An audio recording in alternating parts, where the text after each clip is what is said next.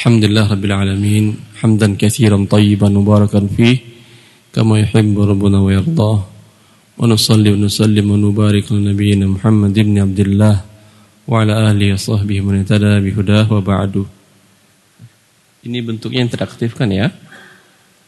Interaktif bentuknya atau saya yang ceramah aja dua jam? Ada dengar, ada gitu. Hah? Eh, kalimat qasirah sumas'ilah. Berarti kalimat pendek kemudian pertanyaan interaktif insyaallah taala. E, tema yang kita angkat solusi halal untuk akad pinjaman dan kredit. Kalau nggak salah itu kan ya. Ikhwani wa akhwati fillah. Pinjaman dan kredit sama aja. Sama-sama hutang.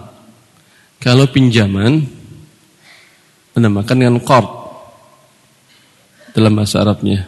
Kalau kredit dinamakan dengan dain. Artinya apa? Hutang dua-duanya dalam bahasa Indonesia. Tetapi bahasa Arab kaya. Kalau qard adalah akhzu syai'in wa. Mengambil sesuatu kemudian diserahkan gantinya. Ya. Anda berikan uang lembaran pecahan umpamanya 100 ribu 10 lembar dari teman. Anda catat nomor serinya. Nomor serinya kan ada itu kan serial numbernya. Anda catat. Ketika uang ini Anda pakai nanti Anda kembalikan apakah dengan nomor seri yang sama atau berbeda? Berbeda. Ini nama akadnya qard akhdhu syai'in wa raddu badalihi kalau uang itu yang Anda kembalikan langsung dengan nomor seri yang sama, ini betul wadiah namanya, nitip. Kalau Anda di lembaga keuangan, syariah atau non syariah, Anda serahkan uang Anda. Mereka kan punya namanya program tabungan wadiah, titipan. Sesuaikah dengan definisi syari ini? Tidak. Bukan wadiah namanya ini. Karena bila Anda katakan, Pak, saya serahkan sekarang pecahan 100 ribu 10 lembar. Saya catat serial numbernya ya, nomor serinya ya. Nanti itu saya ambil. Diterima dia atau tidak? Mau dia yang terima atau tidak? Pasti tidak mau dia. Apa-apaan ini? Karena uang akan diputar dia. Ketika akan diputar dia, dikembalikan adalah gantinya mungkin nanti Anda ambil pecahan 50 atau pecahan 100 dengan serial number yang berbeda. Ini berarti nama akannya qard bukan wadiah. Lalu apa konsekuensinya Ustaz? Konsekuensinya jelas. Kalau kor tidak boleh ada pertambahan. Kalau ada pertambahan namanya riba. Oleh karena itulah ketika Anda menabung di bank konvensional ada tambahan bunga riba namanya. Karena akadnya kor.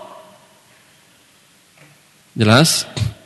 Ketika di bank syariah, wadiah yang hakikatnya adalah kor, ada pertambahan atau tidak? Ada pertambahan mereka namakan bagi hasil. Sesungguhnya bagi hasilnya tidak sama tidak berbeda dengan apa yang di bank konvensional tadi. Karena akadnya qard. Kalaulah wadiah tidak boleh diganggu gugat.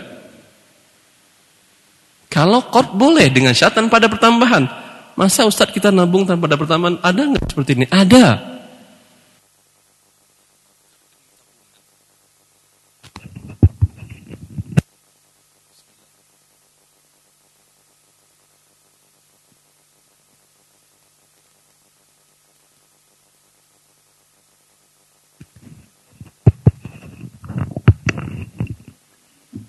Bismillah.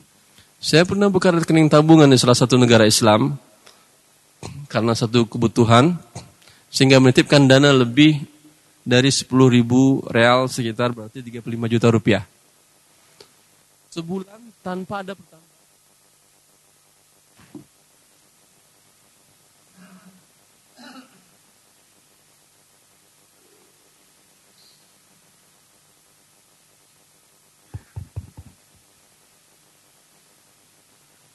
Bismillah kita lanjutkan. Sebulan tanpa ada pertambahan walaupun satu real pun. Saya tawarkan konsep ini kepada salah satu bank syariah di Indonesia. Wah itu bagus. Bagus itu sehingga kita tidak dibebanin, tidak dibebanin untuk membayar bonus atau apa namanya dalam rekening tabungan tadi. Bukan bagus sisi itu saja, bukan keuntungan bagi bank saja. Yang penting bagi kita syariah murni sudah. Karena akadnya pinjaman tanpa ada pertambahan walau atas nama apa pun juga. Jelas? Ini syariah murni namanya. Ya. Tetapi mereka mengatakan juga, apa ada orang yang mau nabung ke kita kalau tidak ada pertambahan? Kalau Anda hitung-hitungan, kan Anda mengatakan bahwa bank syariah di Indonesia sudah ada sejak 92, tahun 92. Tapi perkembangannya sangat tidak signifikan, berbeda dengan sebagian negara. Di negara seperti Saudi Arabia, itu bank Citibank itu itu yang punya pangeran Saudi. 52 triliun lebih dolar US dolar eh, rupiah Indonesia 52 triliun rupiah saham dia di Citibank itu diatur dengan cara riba dan di Saudi ada cabang-cabangnya. Tapi mati kalah dengan bank Islam milik keluarga dinamakan dengan bank Rejihi. Kalah. Ya, padahal di bank Rejihi tidak ada pertambahan. Di sini ada pertambahan. Sekarang saya katakan kepada bank syariah kepada salah seorang teman yang dewan syariah di bank syariah itu ketika diskusi ilmiah, saya katakan kepada dia, kalau Anda murni tanpa ada pertambahan, ini betul jadi solusi. Kalau Anda pertambahan juga, ya orang akan mengatakan bahwasanya Anda tidak murni syariah. Sama aja. Di bank konven Anda pertambahan, di sini juga ada pertambahan. Apa bedanya sekarang? Ya, kalau sama-sama riba, mending sekalian yang riba ini lebih gede ribanya. Maka di sisi bisnis Anda rugi juga. Kalau Anda murni syariah, Anda menjadi solusi orang muslim. Orang yang non-muslim tidak akan ke bank syariah karena sisi materi pasti rugi dia. Jelas. Yang muslim ngapain dia juga ke bank syariah? Karena masih ada riba juga. Mana solusinya lagi? Tapi kalau Anda buat tanpa pertambahan, ini menjadi solusi benar dan jangan takut masalah demikian. Ya, ini masalah akad qard tadi ya. Akad qard akhdhu syai'in wa raddu badalihi untuk semua barang. Bukan uang saja. A pinjam beras kepada B. Sekilo. Lalu kemudian dikembalikannya kepada B beras sekilo juga. Beras yang sama atau berbeda? Berbeda. Jenisnya sama tapi berasnya berbeda. Ini akadnya apa? Kot. Boleh boleh dengan syarat tanpa pertambahan. Kalau si A mengatakan saya butuh beras 10 kilo untuk ada kebutuhan selama seminggu ini, ya ada acara walimah atau macam-macam, butuh 40 kilo nanti saya kembaliin. Boleh kamu kembaliin tapi 45 kilo. Riba atau tidak namanya ini? Riba. Karena tambahan dari kot. Paham sampai di sini? Ini namanya akadnya kot. Yang kedua akadnya den. Hutang juga dalam bahasa Indonesianya. Cuman ini lebih luas. Kalau tadi ya hanya penukaran dari barang ya, kemudian dikembalikan gantinya. Kalau ini tidak. Apa pun hutang akibat apa pun juga. Anda beli dengan tidak tunai. Hutang namanya. Hutang ini namanya dain tapi bukan qard. Kan yang Anda terima umpamanya barang, yang Anda serahkan kepada dia uang. Jelas? Kalau tadi qard Anda serahkan uang, Anda terima uang dengan sejenis. Jelas? Kalau ini Anda serahkan uang nanti dalam tanggungan, kemudian Anda terima sekarang barang. Ini namanya utang. Beli barang dengan cara tidak tunai. Boleh, boleh. Dengan dua syarat. Jelas? Persyaratan pertama Anda boleh berhutang tadi yang dilakukan oleh Rasulullah SAW. Beliau pernah berhutang Rasulullah SAW. Qard juga pernah qard. Beliau berhutang ishtarata aman li ahlihi wa rahanahu dir'ahu. Sehingga Ibn Hajar al-Haytami mengatakan dalam kitab Az-Zawaj yang fil kabair, dua syarat ini bila tidak terpenuhi dalam hutang piutang, maka hutang piutang tadi menjadi dosa besar. Persyaratan pertama, bahwa dia berhutang untuk kebutuhan pokok. Bukan untuk kebutuhan lux. Tahu kan yang pokok kan ya? Kalau tidak terpenuhi akan susah hidup Anda. Hah? Tidak punya tempat tinggal. Bukan tidak punya rumah ya. Bedakan tidak punya rumah dengan tidak punya tempat tinggal. Tidak punya tempat tinggal. Ya, susah hidup Anda. Tidak punya rumah susah atau tidak? Tidak terlalu susah, bisa ngontrak, bisa numpang mertua, bisa numpang marang tua, tidak ada yang susah. Tapi tidak punya tempat tinggal, berarti nggak tinggal di mertua, nggak tinggal di mau tinggal di mana anda? Ini yang saya maksud dengan tidak punya tempat tinggal tadi.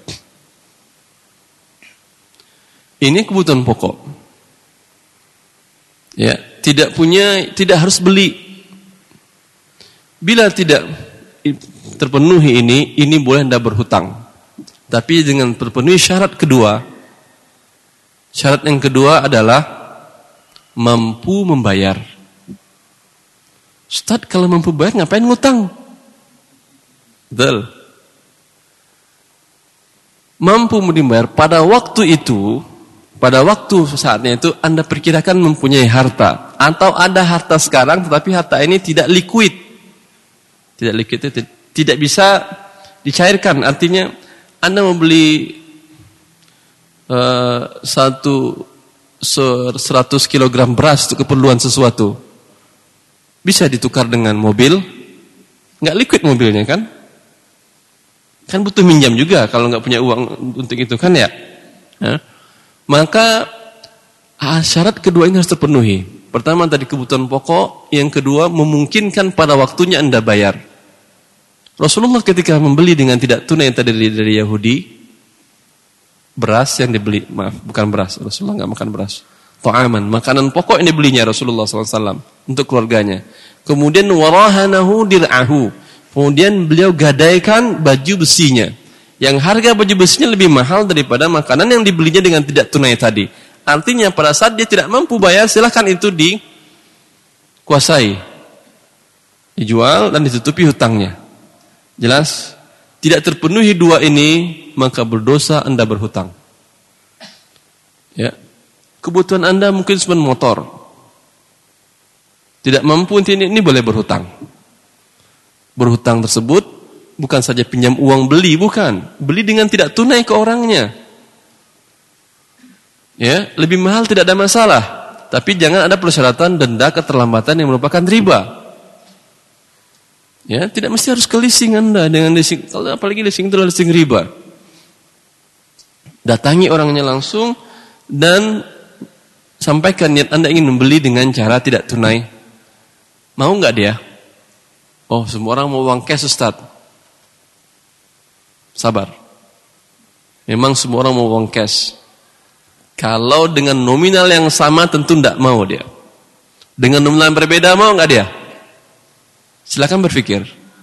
Artinya kalau saya beli barang ini cash Biasa harganya umpama, umpamanya 10 juta.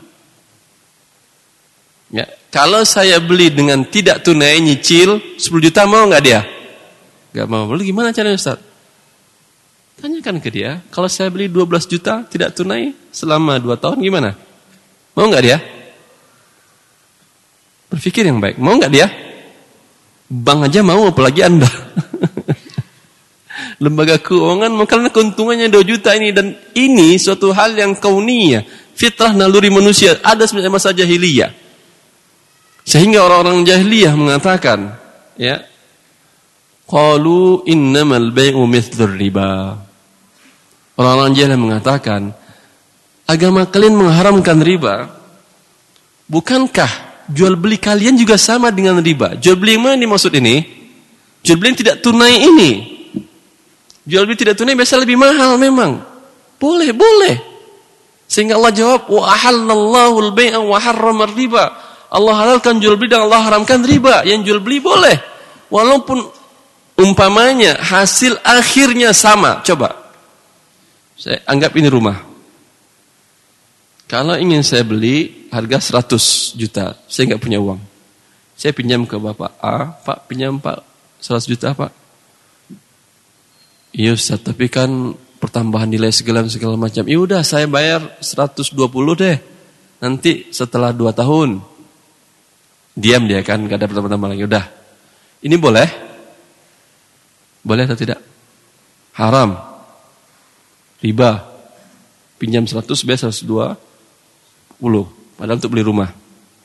Kalau saya tawarkan kepada yang punya rumah ini. Hah? Kalau saya beli rumah Anda ini dengan nyicil selama 2 tahun. Anda kan tadi mau cash 100 kan ya? Saya beli 120. Nyicil selama 2 tahun dan bagi per bulannya sekian. Mau nggak dia? Mungkin mau, mungkin tidak. Anggap mau. Ketika mau, halal atau tidak? Halal dengan syarat dia tidak mengatakan, Pak kalau terlambat dikenakan denda ya. Kenakan denda dari riba lagi. Tidak ada itu. Lalu bagaimana dia mengamankan haknya? Ini baik nama nanti, gampang. Ya. Pertambahan di sini berapa? Jual beli 20. Di sini tadi berapa? Sama atau tidak? 20 sama. Tapi yang ini haram yang ini halal. Maka Allah mengatakan wa halallahu al-bai' wa harram riba. Jadi permasalahan yang belakang ini itu permasalahan pinjaman dan kredit. Bagaimana Anda mengerti syariat Allah atau tidak? Ketika Anda mengerti halal. Yang satu pergi ke lembaga haram. Yang satu langsung ke orangnya halal. Dan biasanya lebih murah. Ini bisa tawar-tawar ini biasanya. Iya kan? Biasanya masih bisa nego ke orang langsung. Ya. Banyak kasus pribadi. Sekarang banyak umumnya orang mulai menjual menjual para developer sebagian di Jabodetabek menjual rumah mereka kreditnya langsung ke nasabah. Dibuatnya rumah dijual dengan tidak tunai kepada nasabah. Untung lebih besar. Kalau saja lembaga keuangan bisa membiayai biaya operasionalnya yang begitu besar dan mengatakan dapat keuntungan baik yang syariah maupun non syariah ya bisa untuk itu kenapa anda pribadi tidak mau? Jual dengan tidak tunai tadi. Ini hutang namanya hutang. Boleh boleh dengan syarat tidak ada denda keterlambatan tidak ada riba tadi. Kemudian kapan lagi boleh berhutang tadi untuk kebutuhan pokok dan memungkinkan untuk membayarnya pada waktunya? Bila tidak ya ketika nggak yakin dia bisa membayar, saya butuh si rumah tapi khawatir saya nggak bisa bayar, kemampuan saya mungkin uang pensiunan nggak cukup segala macam, ya, atau biaya hidup saya kurang segala macam. Orang yang seperti ini tidak ada solusi kredit dan pinjaman bagi dia. Apa solusinya untuk dia? Suruh mati dia? Jangan ya, banyak solusi dalam Islam. Zakat solusi zakat. Ya. Dan kalaulah zakat kaum muslimin, saya membina beberapa lembaga zakat di Jakarta. Salah satu masjid itu ketika saya baru awal membina lembaga zakat bas apa namanya basnas namanya basisnya ya terkumpul berapa dana zakat kalian sekitar 1,5 miliar Ustaz ada uangnya ada. Terus nggak ada fakir miskin di sini? Ada. Kenapa kalian tahan hak orang? Ya, kita kita salurkan Ustaz, kita bagi sembako. Ya, akhi, bukan begitu cara menyerahkan zakat. Bukan bagi-bagi sembako, bukan. Sembako itu lain halnya itu. Itu nama kampanye sembako. Kalau zakat bukan begitu. Zakat datangi data kaum fakir miskin di sekitar sini. Data, ambil database mereka, berapa kekurangan mereka. Pemasukannya ada, ada. Kekurangannya, umpamanya kekurangan dengan suami istri, dengan lima anak, kekurangan kebutuhan pokok mereka, biaya sekolah, biaya makan, biaya kontrakan, segala macam. Gajinya ada, mamanya 4 juta. Kekurangan 4 juta sebulan. Orang ini berhak mendapat juta dikali 12, berapa itu? 48 ya. Berhak dia terima 48 juta. Berikan langsung. Setelah itu sesen pun sekarang dia terima zakat haram bagi dia. Ini yang dikatakan oleh Umar, "Faiza ataitum fa'ghnuhum." Bila kalian memberikan zakat, kaya akan mereka. Artinya tutup status kemiskinan mereka menjadi kaya mereka sudah. Wah, nanti uang 48 juta habis di ini ini. Kenapa ente suzon dengan fakir miskin? Ya, kalau umpamanya dia belum bisa mengendalikan dananya, ajarkan cara mengendalikan mengelola dana angka sekian. Dan ada salah satu lembaga masjid yang saya bina ikut dengan cara seperti ini. Saya kami coba seperti itu Ustaz. Alhamdulillah dari lima dapat zakat sound untuk hanya lima keluarga saja. Ya, dari lima keluarga ini ya semuanya sekarang cukup mandiri, punya usaha sendiri. Siapa? Kalau 48 juta bisa modal kan ya? Modal bikin usaha besar ini ya, Tahun depannya dia nggak bakal terima zakat lagi dia udah. Ya. Itu bagian tidak mampu tadi. Jangan usahakan paksakan pinjam juga. Kalau Anda memang tidak mampu, akan Anda karena dia tidak mampu bayar, kemudian Anda paksakan pinjam juga, beli dengan cara ngutang juga, Anda akan menghilangkan harta kaum muslimin. Ya. Oh, saya ada niat Ustaz. Ada niat bagaimana? Sekarang Anda tidak punya pemasukan. Maka sampaikan dan minta zakat. Dan keluar zakat dengan baik. Ya. Cukup insya Allah bagi fuqara al-masakin tersebut. Saya kira cukup sebagai pengantar. Baik. Ada hal diskusikan silakan.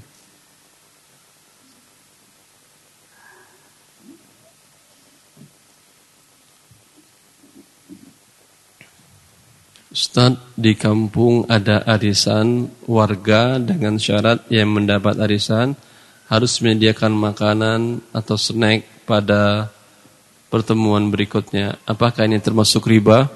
Kok tahu? Jawabannya iya riba. Karena akad arisan adalah akad pinjam meminjam.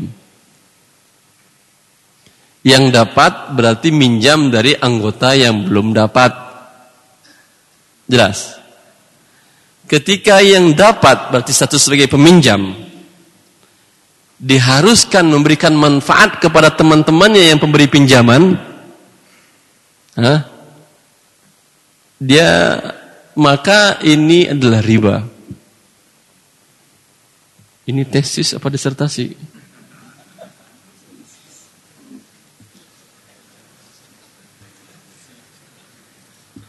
Jelas ini, maka cermati ini dengan baik. Sering keluhan memang seperti itu.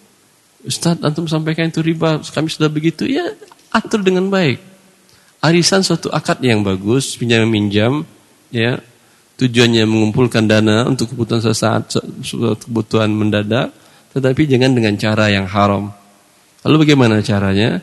Sediakan, sisihkan dana dari setiap uang yang dikumpulkan, sekian persennya adalah untuk biaya konsumsi. Sehingga biaya konsumsi tidak ditanggung sendirian oleh si yang menerima pinjaman. Yaitu yang mendapatkan giliran. Paham ini? Taib.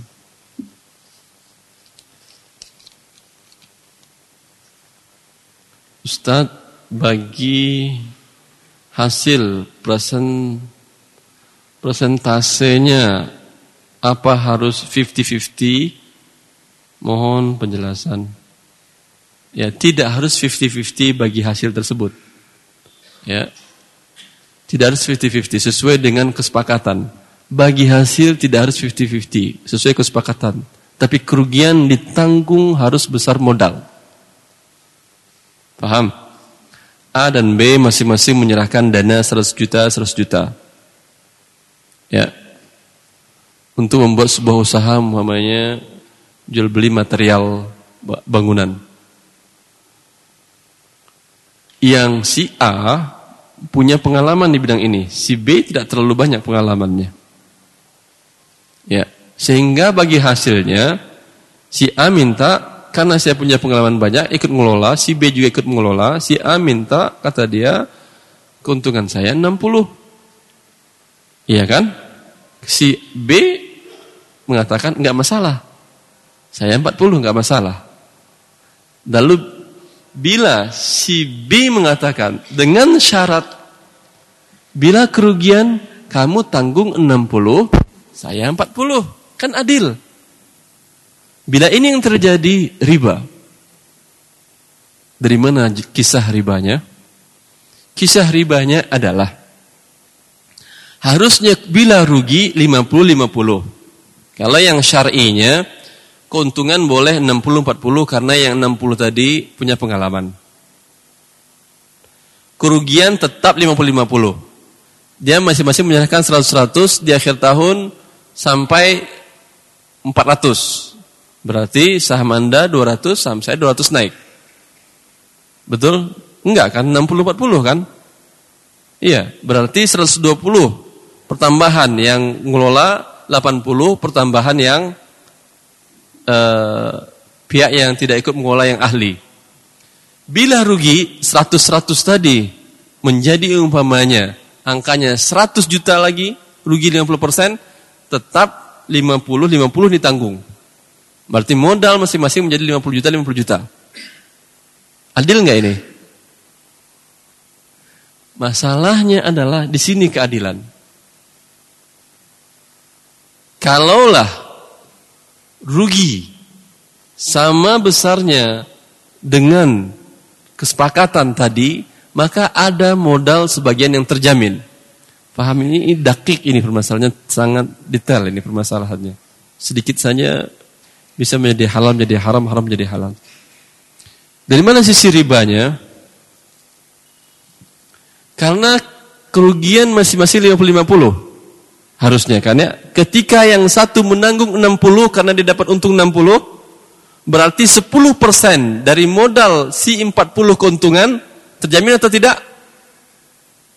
Terjamin atau tidak? Terjamin. Ruginya nanti dia 40, ruginya yang 10-nya terjamin. Harusnya dia rugi 50. Bila modal terjamin, ini nama akadnya riba. Bila ada pertambahan. Karena akadnya masuk kort jadinya, bukan investasi lagi. Saya menyerahkan, meminjamkan dana ke B. Saya katakan,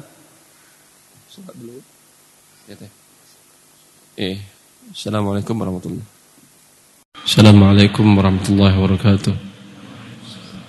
Alhamdulillah, wassalatu wassalamu rasulullah wa ala ahli wa sahbihi man wala wa ba'du.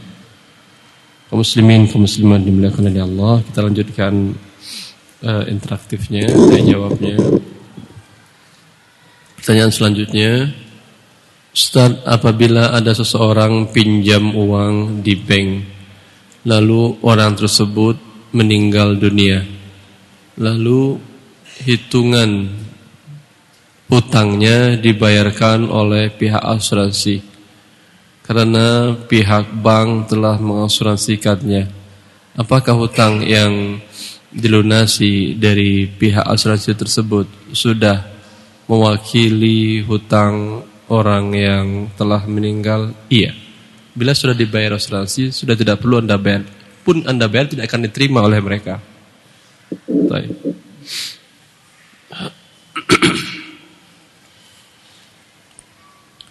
Apakah menjual barang dengan sistem nyicil boleh harga barangnya berbeda dengan sistem kontan? Boleh. Dengan syarat pada waktu akad jelas anda tawarkan ini rumah ini saya jual kalau cash 100 juta. Anda maunya berapa? Kalau satu tahun saya jual 110 juta. Ya, itu penawaran, bukan jual beli. Baru penawaran, belum ada akad ini. Baru namanya ijab, satu pihak. Bila kemudian dia menjawab, udah saya pilih yang satu tahun pembayaran dengan harga 110 juta. Sekarang berapa harganya? Satu. Berapa akadnya? Satu. Yaitu menjual rumah ini dengan cara tidak tunai selama satu tahun seharga 110 juta. Tadi dua penawaran iya. Tapi akad terjadi sekarang satu karena kabulnya pada salah satunya.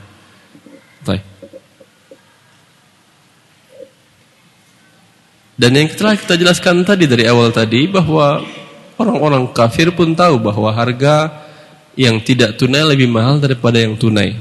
Oleh karena itu mereka katakan bahwasanya riba sama dengan jual beli. Kata Allah tidak. Satu halal, satu haram. Paham Anda itu perbedaannya? Ustaz barakallahu fiik Allah barik. Bagaimana hukumnya dengan pembayaran listrik PDAM yang bila terlambat membayar dari tanggal yang ditentukan uh, di Didenda, ribahkah? Iya, riba akadnya. Sudah?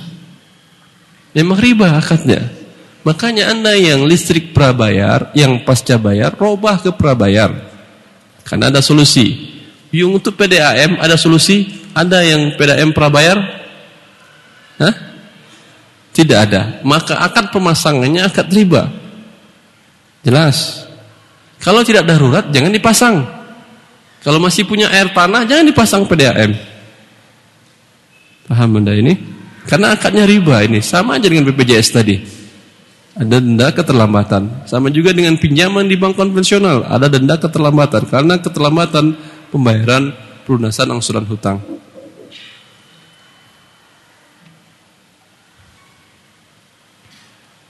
Assalamualaikum Waalaikumsalam Bagaimana hukumnya kalau kita Apa ini Pada orang pengusaha Bekerja pada orang atau pengusaha Yang men, Apa ini Didapatkan Yang modalnya didapatkan dari pinjaman ribanya. Bila anda bekerja di perusahaan Yang Modalnya dari riba Ya Memang itu perusahaan. Kalau Anda inginkan bekerja di perusahaan yang modalnya tanpa pinjaman riba, jangan bekerja di PLN, jangan bekerja di Telkom, jangan bekerja di perusahaan multinasional. Lu kerja di mana Ustaz? Kerja teman punya usaha jual warung, Anda kerja di dia. Tapi kalau kerja yang perusahaan besar, multinasional, nasional, walaupun walaupun mereka dalam akte pendiriannya ada klausul pasal biasanya menyatakan bahwa perusahaan bisa menambah dana dengan cara pinjaman ke bank konvensional. Ini klausul riba ini. Kalau Anda beli sahamnya nggak boleh. Karena Anda berarti menyetujui saham riba. Tapi kalau bekerja dengan dia, kalau Anda yang disuruh untuk mengatur bagian keuangan dan mengatur pinjaman ribanya, mengajukan dan segala macam, anda termasuk di sini sebagai penulis akad riba dan saksi riba ini pekerjaan Anda haram. Kalau Anda bekerja di di bagian yang lain, jasa Anda halal. Tidak ada hubungan dengan riba tadi, tapi modalnya dengan riba, ya. Tidak ada masalah. Kok nggak masalah Ustaz uang riba? Ya, sekarang ini kalau Anda ingin semua uangnya tidak ada riba, jangan hidup di Indonesia. Bukankah negara Anda APBN-nya juga pinjam uang dengan cara riba? Hah? Dengan World Bank, dengan IMF? Gimana? Jangan, jangan perusahaan negara Anda, jangan pakai jalanan itu. Jangan pakai fasilitas umum. Bisa hidup? Oh kita pindah Ustaz. Ya pindah ke mana kita? Pindah ke Arab Saudi. Tidak jauh bedanya ya akhirnya. Tidak jauh bedanya untuk beberapa hal karena peraturan ini peraturan dunia yang mengikat riba. Inilah yang dikhawatirkan Rasulullah sallallahu alaihi wasallam zahara zina war riba faqad ahallu bi adzab min Allah. Baik. Walhasil yang saya sampaikan tadi jelas, Anda bukan di bagian ribanya, Anda berikan jasa yang halal, halal oh Anda. Halal bagaimana Ustaz? Karena akad pinjamannya halal. Yang haramnya adalah ribanya, seperti yang saya jelaskan tadi. Anda beli rumah ke developer A, kurang uang, pinjam uang bank konvensional dengan akad riba atau bukan? Akad riba. Lalu beli rumah bayarkan kemari. Ya. Apakah halal rumah ini bagi Anda? Halal karena pinjaman Anda halal, ya. Yang haram akad Anda dengan bank konvensional yang ada pertambahan ribanya. Hentikan ribanya selesai sudah. Maka ketika rumah istri sudah lunas, halal bagi anda. Anda sudah tidak ada akad riba lagi di bank konven tadi. Jelas ini? Jelas. Ini yang dikeluarkan fatwa oleh Oki tentang penggunaan kartu kredit juga. Bahwasanya kartu kredit terbitkan dengan cara yang haram tadi, uangnya adalah uang yang halal. Ini madhab mayoritas para ulama kecuali madhab syafi'iyah bahwa pinjamannya sah, dengan demikian uangnya sah, yang haram adalah pertambahan ribanya. Paham ini? Maka boleh digunakan untuk semua kebutuhan pokok dari si peminjam.